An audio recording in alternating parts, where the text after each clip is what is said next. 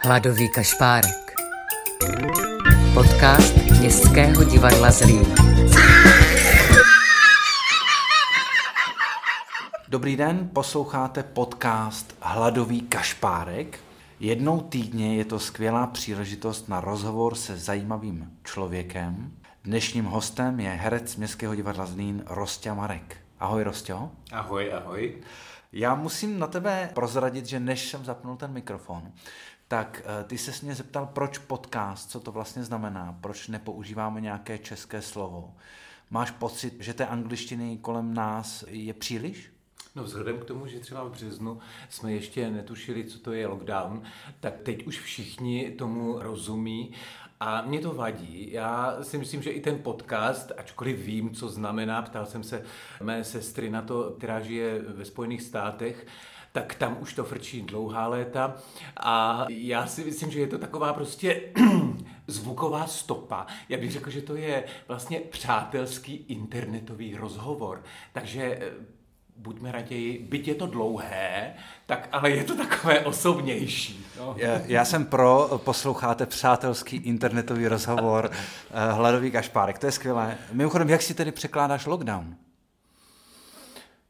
Jako vězení. Také jsem se na to ptal sestry, co to znamená, jestli je to karanténa.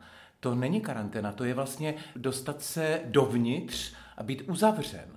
Jo, já vím, že to zní nehezky, ale eh, je to takové domácí vězení. Já jsem nikdy sice od rodičů žádné domácí vězení nedostal, protože ti mě spíš jako hnali ven. Já jsem byl ta osoba, která spíš eh, doma něco vystřihovala, lepila, četla, ale vím, že někteří mi spolukolegové eh, měli domácí vězení. A tak já to beru jako takové domácí vězení.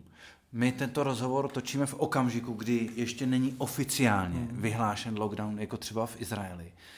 Ale vlastně jsme svědky nejrůznějších výzev, už jako udělejte si osobní lockdown, osobní vězení. Hmm.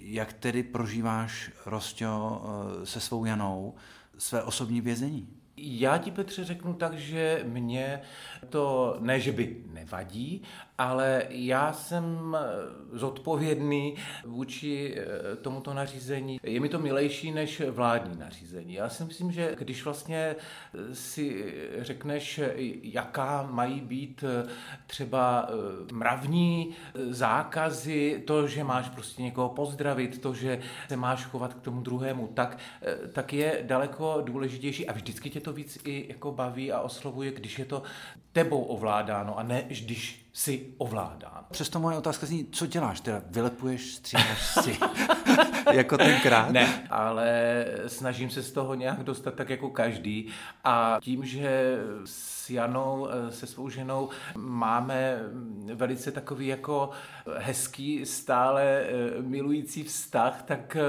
se snažíme to si užívat společně.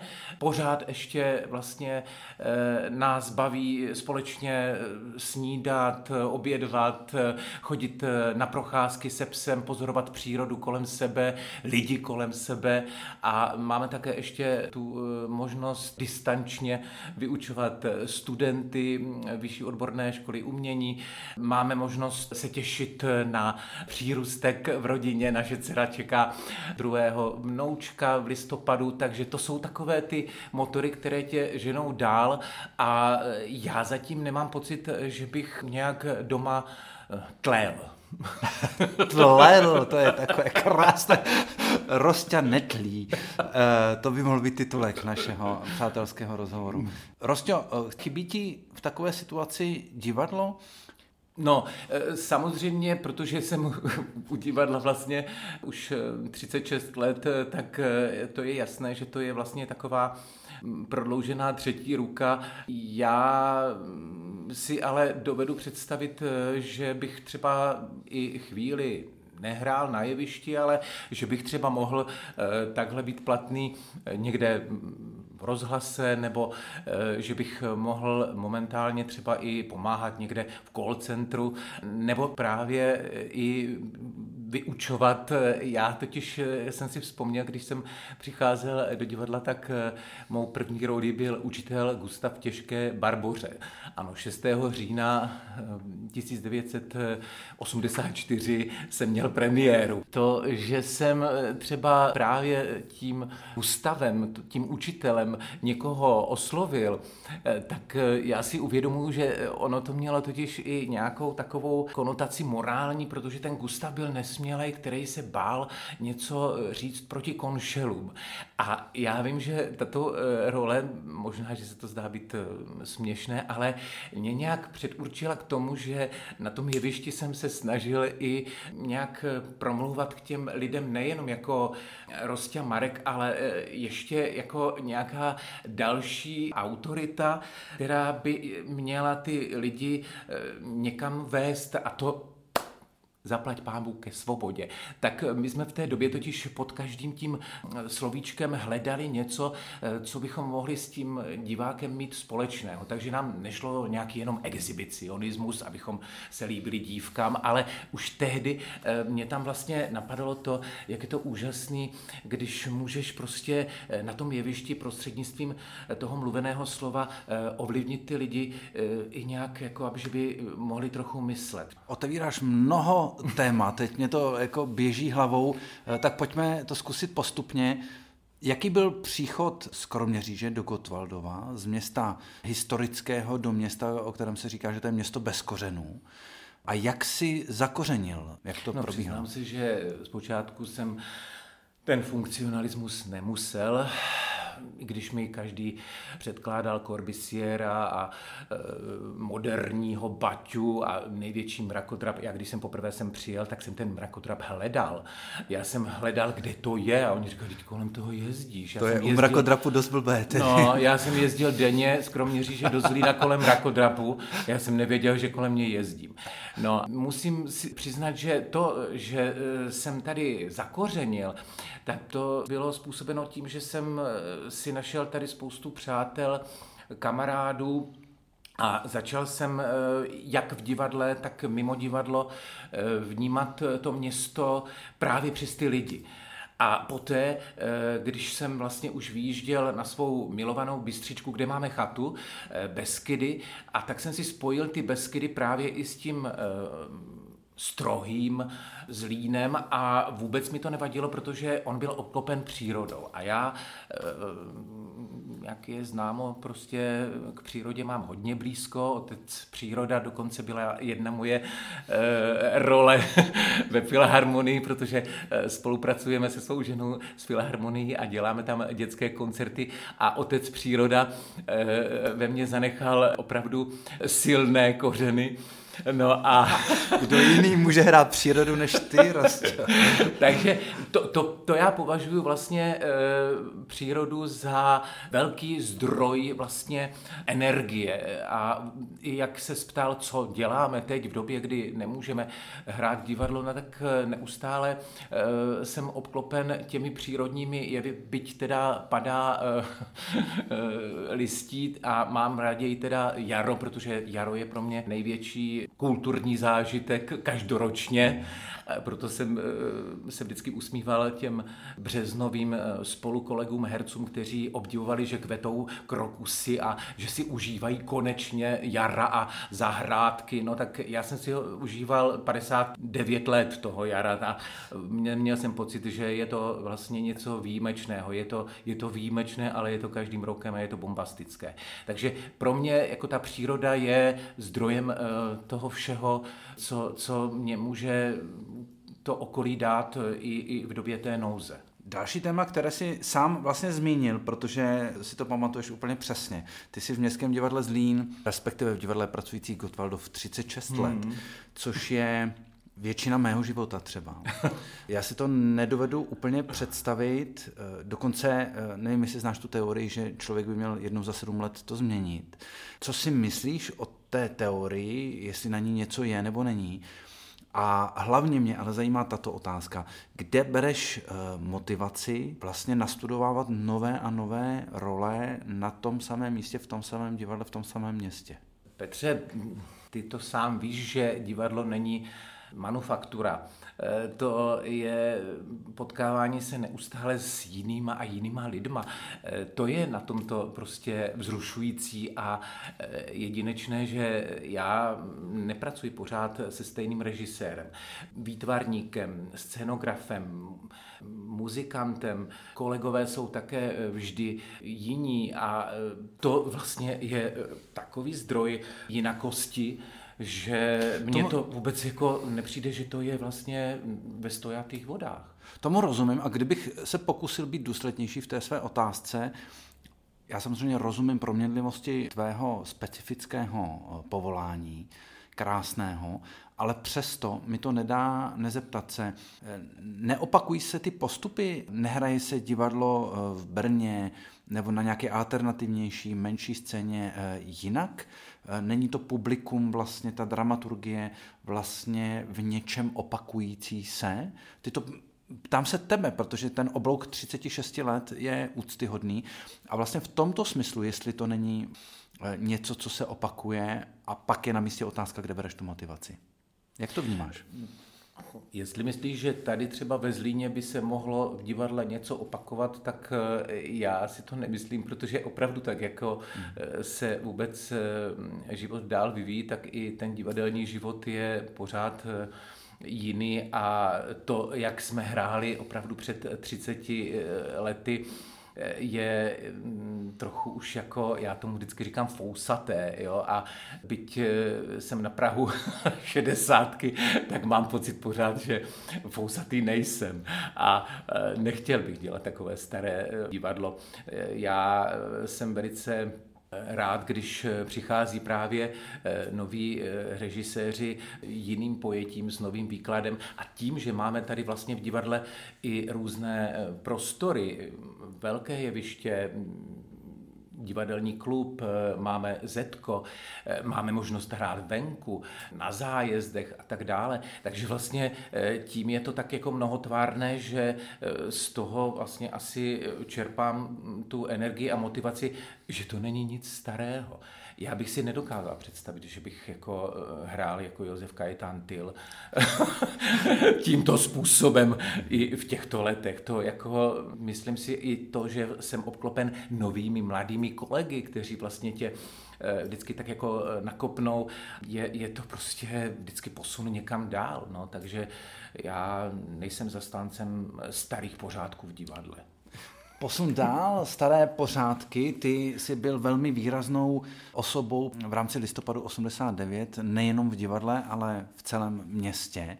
Eh, zajímá mě právě znovu ten oblouk těch 36 let. Eh, co se změnilo, nebo respektive nezměnilo? Co jsi tenkrát sliboval? Eh, co se podařilo, co se nepodařilo? Jak to vlastně vnímáš, to ohlédnutí? Ptám se i proto, že za pár dnů budeme slavit 31 eh, let od tohoto okamžiku. Dobře, já mám v životě takové tři pilíře, na kterých si stavím, ale nestojím jo, úplně přesně. Je to domov, rodina. To je prostě pro mě zásadní a nejdůležitější. To vlastně každému eh, doporučuji, aby tam si udělal hm, to rodinné hnízdo, eh, co, co nejhezčí a eh, nejmilejší a z toho já potom můžu odejít ven do té přírody. To je ten druhý pilíř, příroda. Jo? To prostě, to je strašně potřebné, nutné a třetí je svoboda. Záměrně eh, říkám na třetím místě, protože jsem vlastně mnohá léta eh, bez té svobody žil. Takže žít se dá bez svobody. Dá, ale blbě. Jo. Hmm. to je jako opravdu eh, ten marasmus, který jsem zažíval právě i v té rodině, i v té přírodě. Byl jsem smutný, byl jsem z toho zoufalý, ale mohl jsem přežít. Proto, když máš uspořádanou rodinu, když máš možnost eh, se pohybovat i eh, někde v rámci těch tady eh, přírodních sil, někde, někde prostě ještě dál, že nemáš to domácí vězení, tak je strašně nutný mít ještě tu možnost třeba říct to, že nemáš rád současného pana prezidenta, protože dělá a dělá takové a takové kroky a protože vlastně tě nějakým způsobem devastuje jako lidskou bytost. To tehdy nebylo možné. To jako... Určitě nebylo, tomu rozumím, a, ale e, přicházíme o svobodu?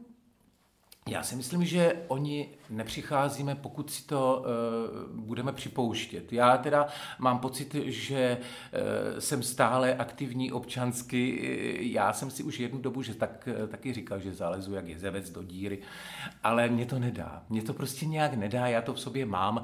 Já prostě uh, tu občanskou společnost pořád nějak cítím.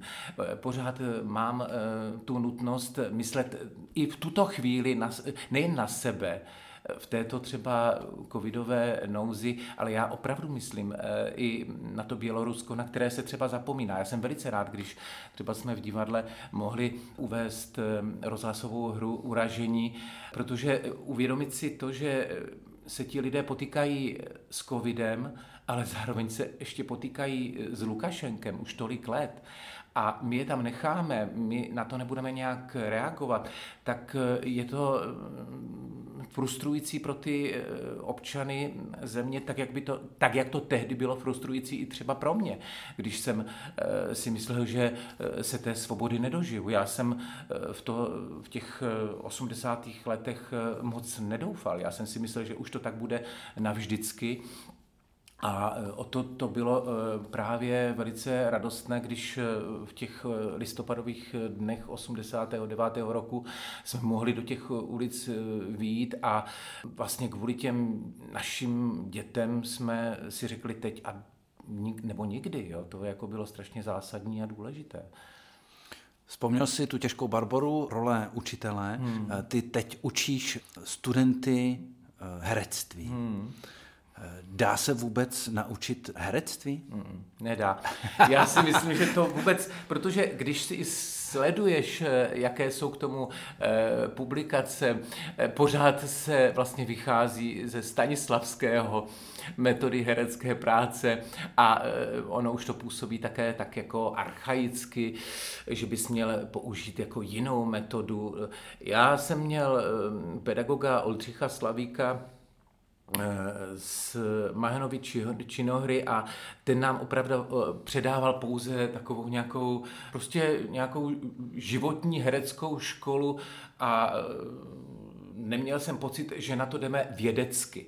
Prostě šli jsme na to nějakým způsobem jemu blízkým a to pouze být eh, při věci, myslet na jevišti, používat eh, správné technické prostředky, ale netrápit se, eh, jak vlastně, jakým způsobem přes barvy, city, já nevím, nakonec porodit deku. Jo?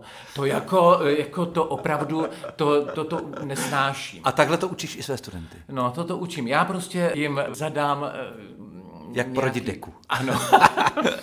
materiál, eh, jako tak aby měl hlavu a patu, hlavně, aby prostě byli sví a eh, já jim říkám, že už 18 měli, takže musí mít i vlastní rozum a ten musí používat. A k tomu samozřejmě se snažím eh, ty svoje zkušenosti, které jsem nabil na jevišti, jim okamžitě takovou třeba, já nevím, až, až třeba nehezkou formou. Já eh, je, je totiž eh, předehrávám, eh, jak to dělají třeba hloupě a oni si rychle uvědomí, že to je špatný přístup a snaží se dostat do té přirozenější ulity, do toho vlastně vnitřku, který by měli ze sebe na tom jevišti vydávat, takže aby nebyli takový jako nějak příliš teatrální nebo ilustrativní. Dá se to těžko, ale přes tu uh, distanční výuku... No to, to se chci zeptat, herectví se nedá naučit a teď ještě ty máš další bariéru ano. a učíš to po Skypeu, takže ty předehráváš těm studentům... Ne, ne. Pozor, eh, pozor na to předehrávání. Já, já, aby to někdo nebral, tak já vůbec nesnáším zrcadlo a, a jako to, to jako ani se sám nechci vidět na nějakých filmových pásech, ale já se snažím prostě je velice rychle dostat k tomu, aby poznali, co je správné a co ne. Jako oni musí být sami sobě režisérem, dramaturgem a i divákem. Jo? To prostě si to musí uvědomit, jestli jsou uvěřitelní nebo jestli jsou trapní. To oni musí vyhodnotit okamžitě. Je to velice těžké samozřejmě na učebně a ještě těžší teda distančně, ale my jsme loni, eh, vlastně letos v březnu, vyučovali distančně, hráli jsme potom tři sestry, takové ukázky, variace na tři sestry, ale my jsme si zadali texty předem a mohli jsme vlastně skrze ty skypeový okýnka eh, sledovat takový filmový pás a mě to teda překvapilo a já jsem měl pocit, že jsem takovým jako až eh, filmovým režisérem, já jsem si přepínal jednotlivá okýnka a ono to e, najednou vytvářelo nějaký film.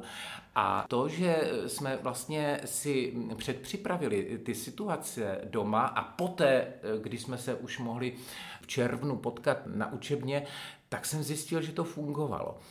Samozřejmě, že jsem se bál, když jsem dával některé takové jako dané okolnosti a, a situace studentkám, eh, že má být eh, třeba eh, lásky plnější nebo smyslnější ve vztahu k Veršininovi, no tak jsem se bál, co ta studentka předvede, protože oni přicházeli s nápady, přinesli si někdy nějakou rekvizitu, někdo náznak kostýmu, někdo šel jenom zevnitř No a e, tahle studentka, když jsem e, do ní neustále takhle e, důl, že by to chtělo ještě víc, tak už jsem se bál, že přinese, nebo že se začne odhalovat ne jako zevnitř, ale vnějškově. A vzhledem k tomu, že ta dnešní doba je tak prapodivná, že by tě mohli za to málem i zavřít, že ponoukáš studentky k něčemu nemravnému, tak to, to i tomu musíš střežit v dnešní době.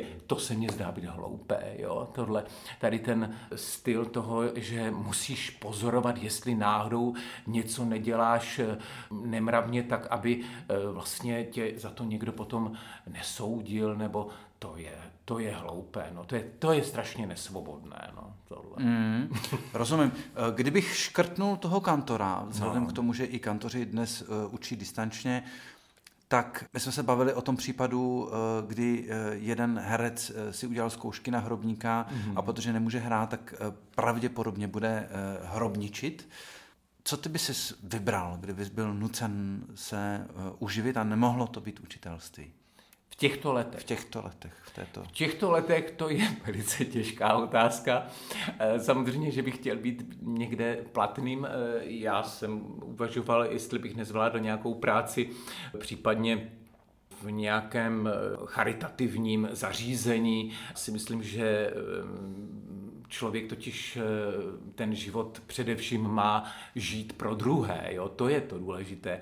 Takže to by mě jako mohlo zase bavit, eh, že bych mohl eh, být platný někde, nevím, neříkám, že telefonovat v call centru, ale že bych mohl třeba i případně nějakým způsobem tomu charitativnímu zařízení pomoci, protože mám empatii k lidem, eh, myslím si, že i něco eh, praktického umím, takže si myslím, že bych mohl být platný, pokud by mě chtěli. Ještě se ti chci zeptat, Rostio, jak vlastně vnímáš ten tok těch informací, a teď nemyslím to vůbec politicky, prosím. Jenom mě zajímá ten fenomén Eh, té odbornosti, neodbornosti, jestli rouška pomáhá, jestli nepomáhá, eh, tady demonstrace, eh, je, jestli nás to omezuje, neomezuje, jak vlastně, nevím, jestli jsi to měl podobně, ale já jsem od toho února, března i já mentálně uvnitř mm-hmm. jako několikrát změnil ano. názor na, na ty věci, jak se chovat, co je v tu danou chvíli nejlepší,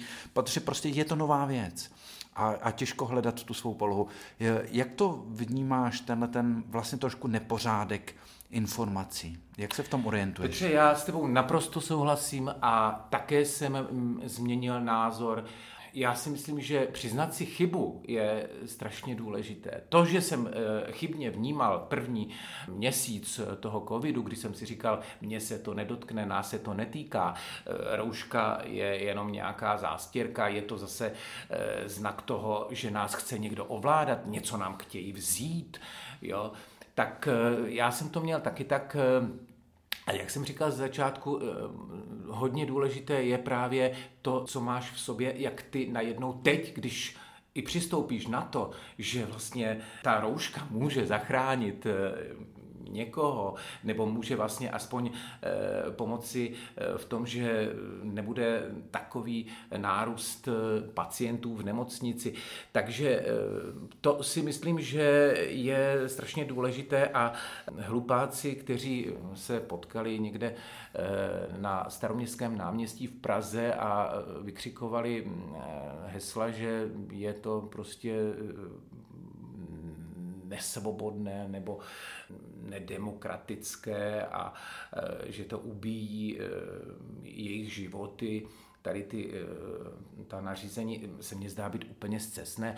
A když se na to podíváš i ve světě, že to není jenom záležitost našeho státu nebo našeho eh, pana premiéra, ale eh, já jemu vůbec jako nefandím, ale v tuto chvíli prostě jsem státotvorný člověk a pokud člověk není hlupák, tak prostě se musí nějak k tomu postavit čelem a nemůže být takhle jako anarchista nebo nějaký takový, no to nejde, no, prostě. Prostě moc ti děkuju za velmi inspirativní přátelský rozhovor. Děkuju a já bych ještě teda pozdravil naše posluchače, tohoto přátelského rozhovoru s tím, že pan Čapek říkal, že humor je eh, solí země a eh, já si myslím stejně jako on, že kdo je hodně prosolen, takže zůstane dlouho čerstvý. Tak eh, já nám to přeju.